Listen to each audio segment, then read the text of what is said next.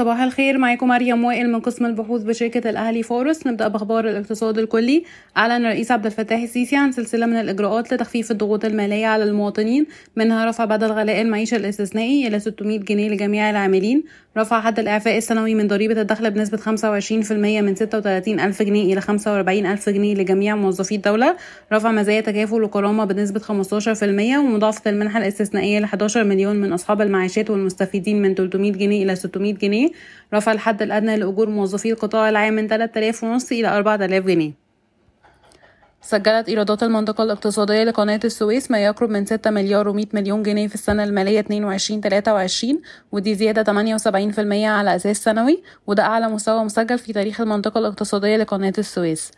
ارتفع عدد السياح الذين يزورون مصر بنسبة 40% على أساس سنوي في أول سبع شهور من عام 2023 تتطلع الحكومة إلى بيع حصة قدرها 30% في شركة الأمل الشريف للبلاستيك إلى مستثمر استراتيجي.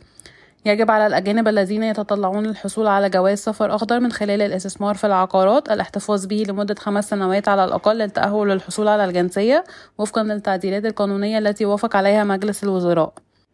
يمكن الآن دفع الرسوم الإدارية التي تبلغ 10000 دولار والتي يدفعها مقدمو طلبات الحصول على الجنسية بالعملة الصعبة أو ما يعادلها بالجنيه المصري.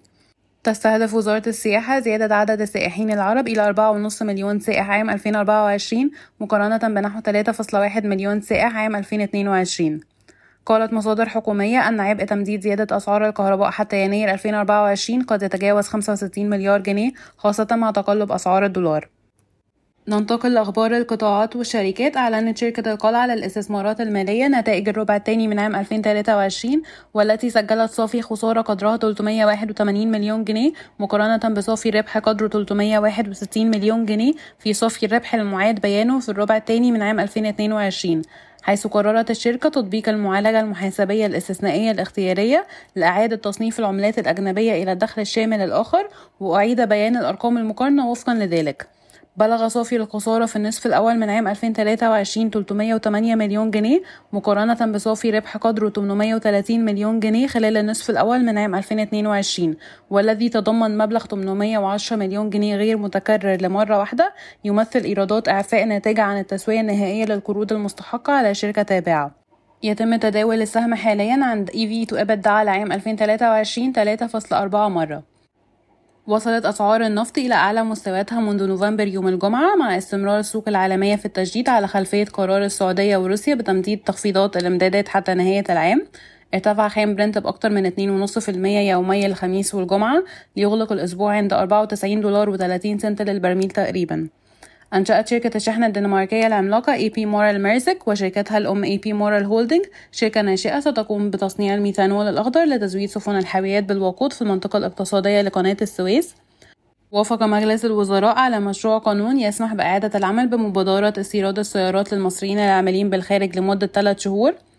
تخطط الحكومة لإضافة البنك المصري لتنمية الصادرات إلى برنامج الخصخصة. تخطط شركة ثورة إنشورنس زراعة التأمين التابع لشركة كونتكت تتوسع في السوق الإفريقية خلال السنوات الخمس المقبلة. وافقت المنطقة الاقتصادية لقناة السويس على قرار يسمح للشركة العربية للصناعات الدوائية والمستلزمات الطبية أكديما بإنشاء مصنع بتكلفة 165 مليون دولار لإنتاج 28 مادة فعالة تستخدم في صناعة الأدوية. تحصل شركة عافية مصر لزيوت الطعام التابعة لمجموعة سافولا على قرض بقيمة 20 مليون دولار من البنك الأوروبي لإعادة الأعمار والتنمية لمساعدتها في سداد تكاليف واردات المواد الخام. شكرا ويوم سعيد.